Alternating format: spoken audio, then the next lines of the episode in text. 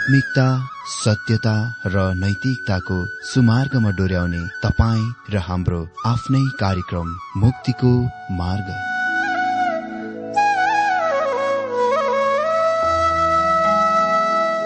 आदरणीय श्रोता यस मुक्तिको मार्ग कार्यक्रममा हार्दिक स्वागत छ। आशा छ यस आत्मिक कार्यक्रमद्वारा जीवनमा आत्मिक आशिष अलौकिक शान्ति र आनन्द प्राप्त गर्नुहुनेछ। र जीवनमा धन्य अनुभव गर्नुहुनेछ। आउनुहोस् श्रोता। मन र आत्माको तयारीको लागि यो मिठो अनि मधुर भजन गीत सुनौ।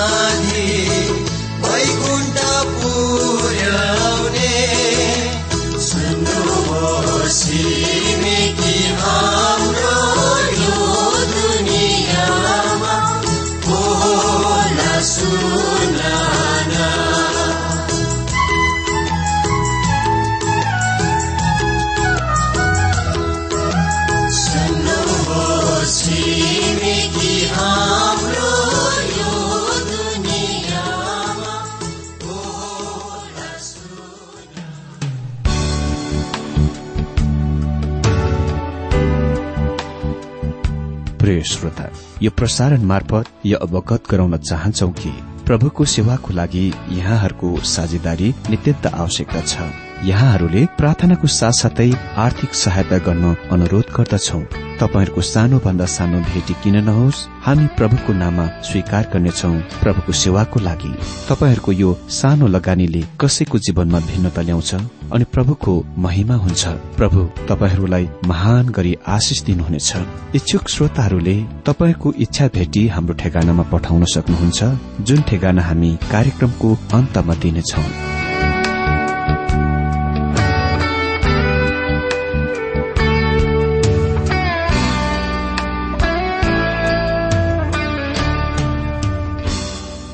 प्रिय श्रोता मित्र प्रभु येशु ख्रिष्टको मधुर अनि सामर्थ्य नाममा मेरो जयमसी।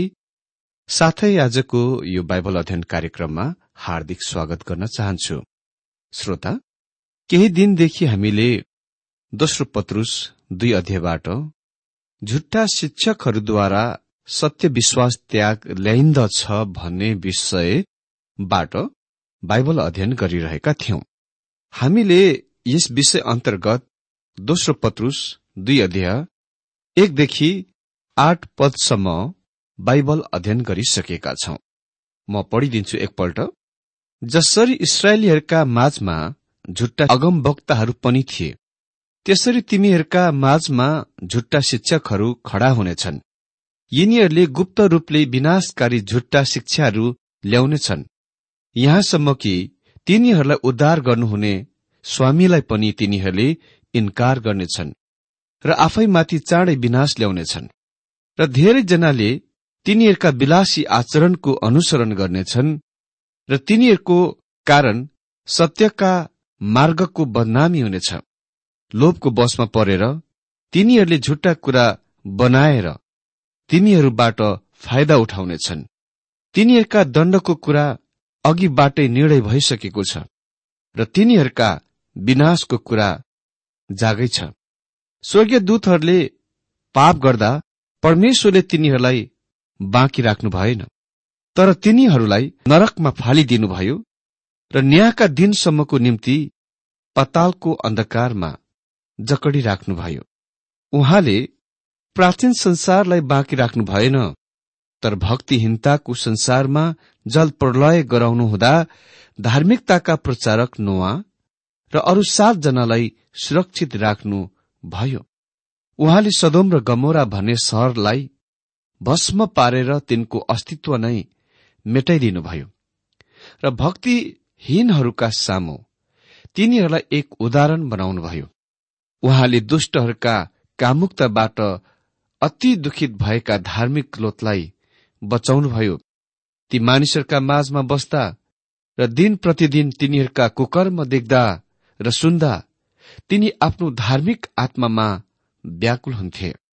मित्र यहाँ हामी सत्य विश्वास त्याग ल्याउने झुट्टा शिक्षकहरूको परिभाषा देख्छौ। साथै तिनीहरूका नाश गर्ने शिक्षाहरू सिद्धान्तहरू तिनीहरूका अभ्यासहरू कार्य गर्ने तरिका तिनीहरूका उद्देश्य र लक्ष्य साथै तिनीहरूमाथि दण्ड वा इन्साफको बारेमा देख्छौ। पत्रुसले भूत वा अतीतमा सत्य विश्वास त्यागहरूका तीन उदाहरणहरू यहाँ दिएको देख्छौ। उसको पहिलो उदाहरण ती स्वर्गीय दूतहरूका हुन् जसले परमेश्वरको विरूद्ध विद्रोह गरेर पाप गरे। यो हामी पद चारमा देख्छौ। अनि यो एक उदाहरण हो कि कसरी शैतान काम गर्दछ।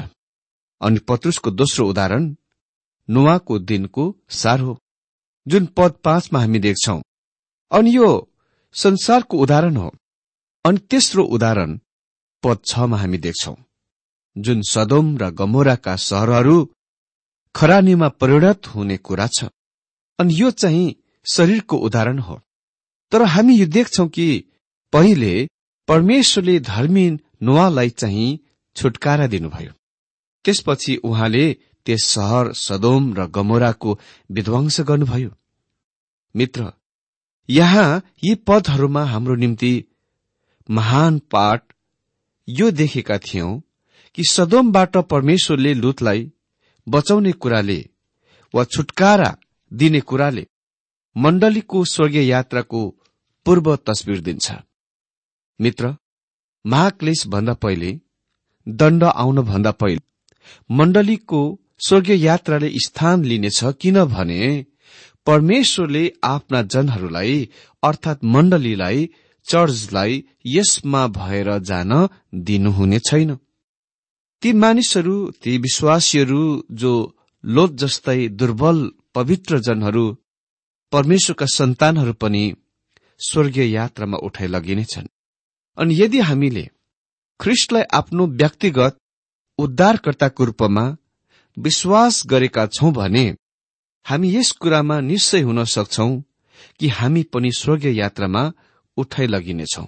यो चर्च मण्डली जो तपाईँ र म हौ महाक्लेश अवधिमा पर्ने छैन भन्ने तथ्यको अद्भुत उदाहरण हो। कारण हामी प्रत्येक विश्वासीहरू येशु ख्रिस्टमा धर्मी ठरिएका छौं। अनि यो मानिस लुत पनि परमेश्वरको सामुन्ने धर्मी थिए। आज हामी बाइबल अध्ययन दोस्रो पत्रुस दुई अध्याय नौदेखि हामी अगाडि पढ्नेछौ। नौ पददेखि लिएर सोह्र पदसम्म। आउनुहोस् दोस्रो पत्रुस दुई अध्याय नौ पद हेर्दै अगाडि बढौं। यसरी भक्तलाई परीक्षाबाट बचाउन भक्तिहीनहरूलाई न्यायको दिनसम्म दण्डमा जकडी राख्न प्रभु जान्नुहुन्छ। ती मानिसहरू जो विश्वास गर्दछन् कि मण्डली चर्च महाक्लेश अवधिमा भएर गइरहेको छ। म भन्न चाहन्छु कि परमेश्वर जान्नुहुन्छ कि कसरी आफ्नाहरूलाई बचाउनु। तपाईँ जान्न नसक्नुहोला। तर परमेश्वर जान्नुहुन्छ कसरी आफ्नाहरूलाई बचाउनु। अनि उहाँ अधर्मीहरूलाई दण्ड दिनको निम्ति न्यायको दिनसम्म कसरी साँची राख्ने यो पनि जान्नुहुन्छ। परमेश्वर जान्नुहुन्छ अधर्मी र धर्मी बीच भिन्नताको। म जान्दिन गहुँ र सामाहरू आज एकैसाथ बढ़िरहेको छ। र उहाँले भन्नुभयो तिनीहरूलाई एकैसाथ बढ्न देऊ। आज सामाहरूको बारेमा मलाई फिक्री छैन। वास्ता छैन। यद्यपि मैले यो कुराको स्वीकार गर्नै पर्छ कि र म कामना गर्छु तिनीहरू धेरै चाहिँ सामाहरू नहुन्। तर गहुँ र सामाहरू बढ़िरहेका छन्।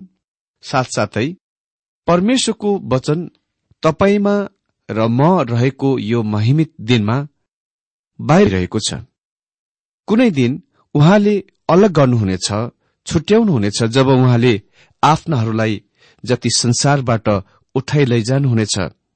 र जब निन्दितहरू वा उद्धार नपाएकाहरू दण्डको लागि महान श्वेत सिंहासनको सामुने ल्याइनेछ भनिएको छ दश पदमा विशेष गरी तिनीहरूलाई जो अशुद्ध पार्ने काम वासनामा डुबिरहन्छन् र अधिकारको अवहेलना गर्छन् यिनीहरू हटी र अहंकारी हुन्छन् र स्वर्गीय प्राणीहरूको निन्दा गर्न डर मान्दैनन्। तर विशेष गरी तिनीहरूलाई जो अशुद्ध तुल्याउने अभिलाषामा शरीरको पछि हिँड्छन्। यो अति नै कठोर कथन हो जुन पत्रुस यहाँ कहन्छन्। यो ती मानिसहरूका तस्विर हो जो वास्तवमा जनावरहरूभन्दा निच तुच्छ जीवन व्यतीत गर्छन्। तिनीहरू तिनै हुन् जो त्यस कुरामा आनन्दित गर्छन् मोज मजा गर्छन् रमाइलो गर्छन् जुन अधम निच भ्रष्ट र दुश्चरित्र छ। तिनीहरू त्यस किसिमका कुराहरूको आनन्द लिँदछन् र प्रभुतालाई तुच्छ ठान्छन्। धेरै टिप्पणीकारहरू भन्छन् कि यसले यहाँ पृथ्वीमा सरकारको संकेत गर्दछ। हजुर। मसँग यसको विश्वास गर्ने कारण छ किनकि यो शब्द परमेश्वरको वचनमा निकै ठाउँमा उल्लेख भएको छ। यसको वास्तविक अर्थ हो प्रभुत्व वा अधिपत्य उही शब्द कुरियोटस यहुदा पद आठमा प्रभुताको रूपमा अनि एफिसी पहिलो अध्यायमा प्रभुताको रूपमा अनुवाद गरिएको छ। एफिसीमा यसले राख्नुपर्ने सरोकार वा प्रभुतासँग छ। अर्को शब्दमा तिनीहरूले त्यसको तुच्छ ठान्छन् जुन परमेश्वरले हाम्रो माथि नियुक्ति गर्नुभएको छ। अर्थात् स्वर्गीय दूतहरू र परमेश्वरले आफ्ना विश्व ब्रह्माण्डको चलाइरहनुहुने तरिकाको तुच्छ ठान्छन्। तिनीहरू ती मानिसहरू हुन् जसले परमेश्वरलाई सूर्यको मुनि वा संसारमा हरेक कुरालाई निन्दा गर्न भन्दछन्। तिनीहरू कुनै कुरासँग खुसी छैनन्। त्यति मात्र होइन पत्रुस भन्छन् तिनीहरू दुस्साहसी हुन्छन्। यसको मित्र तिनीहरू साहसी निर्भीक हुन्। तिनीहरू बेहोसियारी मानिसहरू हुन्। तिनीहरू खुलाम रूपमा परमेश्वरलाई निन्दा गरामा कुनै आपत्ति मान्दैनन्। तिनीहरू हट्टी हुन्छन् मतलब तिनीहरू हट्टी र अहंकारी भएर आफू खुसी गर्छन्। तिनीहरू उच्च पदाधिकारीहरूको निन्दा गर्न कति पनि हिचकिचाउँदैनन् डराउँदैनन्। एघार पदमा लेखिएको छ तर स्वर्गीय दूतहरू शक्ति र सामर्थ्यमा अझ उच्च भए तापनि प्रभुको सामने ती प्राणीहरूलाई निन्दापूर्व दोष दिँदैन झुटा शिक्षकहरू घमण्डले फुलिरहेका हुन्छन् र तिनीहरू त्यस्ता केही कुराहरू गर्दछन् जुनको गर्न स्वर्गीय दूतहरू पनि साहस गर्दैनन्। यहुदाको सामने सानो पत्रमा हामी पत्ता लगाउँछौ कि यहुदाले यसको खास विशेष उदाहरण दिन्छन् जब माइकल प्रधान स्वर्गीयदूत मोसाको शरीरको बारेमा शैतानसँग बहस गरिरहेका थिए। हेर्नुहोस् त शैतान पछिबाट प्रतिज्ञाको मुलुकमा येशुको रूप परिवर्तनको समयमा मोसा प्रकट भएको चाहँदैनथ्यो। त्यसकारण त्यहाँ केही बहस भएथ्यो परमेश्वरले मोसाको शरीरलाई पुर्नुभयो दफनाउनुभयो र यहुदाले हामीलाई भन्दछन् कि माइकलले शैतानको विरूद्ध ताना मार्ने दोष लाउन सक्थे तर उसले खालि यही मात्र भने यहुदा पद नौमा प्रभुले तलाई हपार्नुहुन्छ यही नै आत्मा यही नै मनोवृत्तिको आज हामीले प्रकट गर्न आवश्यक छ। नम्रताको आत्माको। यस अर्थमा कि हामीले यो सम्पूर्ण कुरा पेश्वर कहाँ सुम्पिदिनुपर्छ न कि आफ्नै हातमा लिने। घमण्डले नै हामीलाई ठूलो ठूलो कुरा गर्न उक्साउँछ। एघार पदमा लेखेको छ तर स्वर्गीय दूतहरू शक्ति र सामर्थ्यमा अझ उच्च भए तापनि प्रभुको सामुने ती प्राणीहरूलाई निन्दापूर्ण दोष दिँदैन अनि बाह्र पद तर यी मानिसहरू आफैले नबुझेका कुराहरूको निन्दा गर्दछन्। यिनीहरू विवेकहीन जनावरहरू जस्ता छन् र स्वाभाविक इच्छाहरूका बसमा रहन्छन्। यिनीहरू पक्रेर मारिनलाई जन्मेकाहरू जस्तै छन् र यिनीहरू पशुहरू जस्तै नष्ट हुनेछन्। तर यिनीहरू चाहिँ स्वाभाविक विवेकहीन पशुहरू जस्तै छन्। यी सत्य विश्वास त्यागीहरू जंगली पशुहरू जस्तै हुन्। तिनीहरू पशु जस्तो जीवन जिउँछन्। तिनीहरू स्वाभाविक विवेकहीन पशुहरू हुन्। पक्रिन र नाश गरिन जस्तो कि पशुहरूलाई पक्रिन्दछ र मारिन्दछ। तिनीहरू त्यस्तो निच स्थानमा झर्दछन् गिर्दछन् र त्यस्तो निच स्थानमा पुग्दछन् जहाँ तिनीहरू बिल्कुल असहाय र आशारहित छन्। जुन कुराहरूको विषयमा बुझेका छैनन् ती कुराहरूलाई निन्दा गर्दछन्। अ यो कुरा जुन पत्रुस झुट्टा शिक्षकहरूको सम्बन्धमा भन्छन् तापनि यो अरू धेरै मानिसहरूको निम्ति पनि लागू छ। ओ यो कुरा देख्न कति दयनीय कुरा हो कि मानिसहरूले सुसमाचार बुझ्दैनन्। धेरैले यसको वा सुसमाचारको सुनिरहेका छन् तैपनि यसको कति पनि बुझ्दैनन्।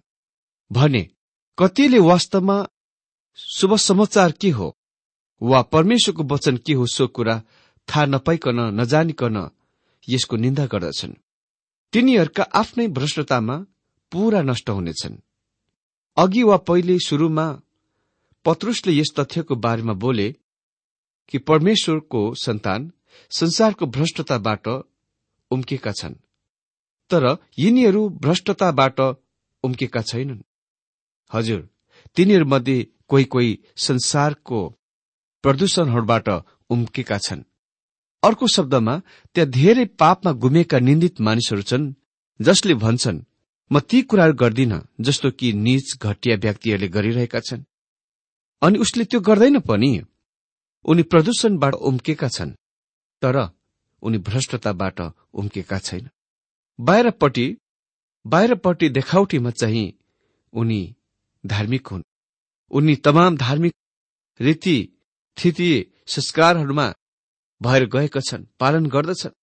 उसले निश्चित खास कामहरू गर्छन् तर उसको हृदय चाहिँ परमेश्वरसँग कति पनि सही ठिक सम्बन्धमा छैन। उसँग भ्रष्ट हृदय छ र उसले त्यसको बारेमा पनि केही पनि गरेको छैन। पद तेह्र पदमा लेखेको छ तेह्र पदमा आफूले गरेका खराबीहरूका निम्ति तिनीहरू आफैले पनि खराबी भोग्नेछन्। दिउँसो भोग विलासमा मग्न रहनु यिनीहरू खुसीको कुरा ठान्छन्। तर लेखिएको छ र तिमीहरूसँग भोजमा बस्दा तिनीहरू बेसरी खाँदै पिउँदै विलासितामा मग्न रहन्छन्।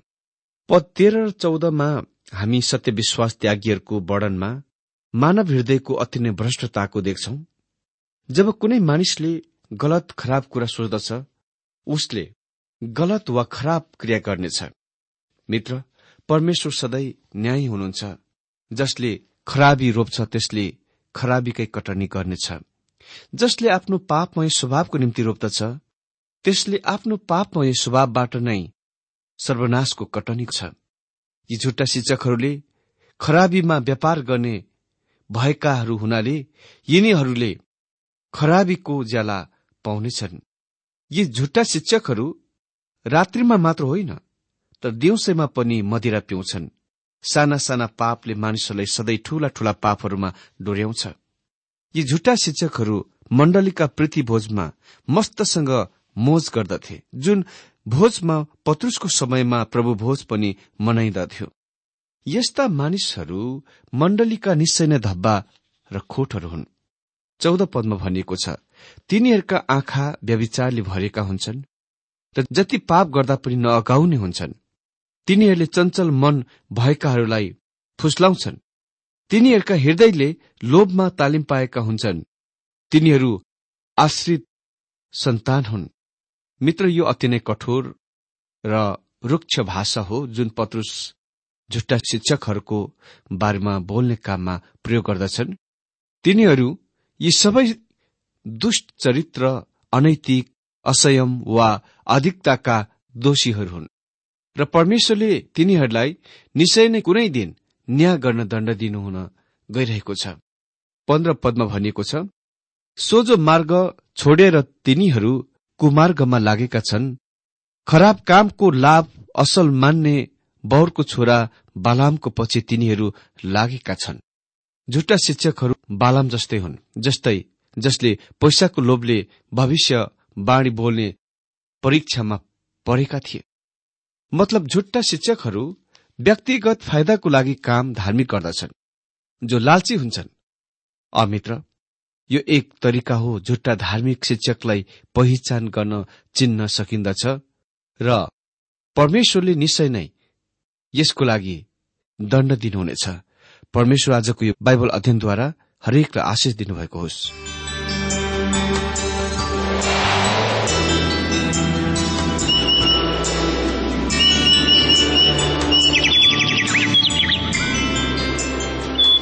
प्रिय श्रोता अहिले भर्खरै तपाईँले टीडब्ल्यूआर नेपालद्वारा सञ्चालित आत्मिक कार्यक्रम मुक्तिको मार्ग सुनिरहनु भएको थियो। श्रोता आजको यो कार्यक्रम सुनेर तपाईँलाई कस्तो लाग्यो? यदि यो कार्यक्रम सुनेर मनमा कुनै खुल्दुली वा कुनै प्रतिक्रिया अर्थात सुझावहरू छन् भने हामीलाई पत्रद्वारा लेख्न सक्नुहुनेछ।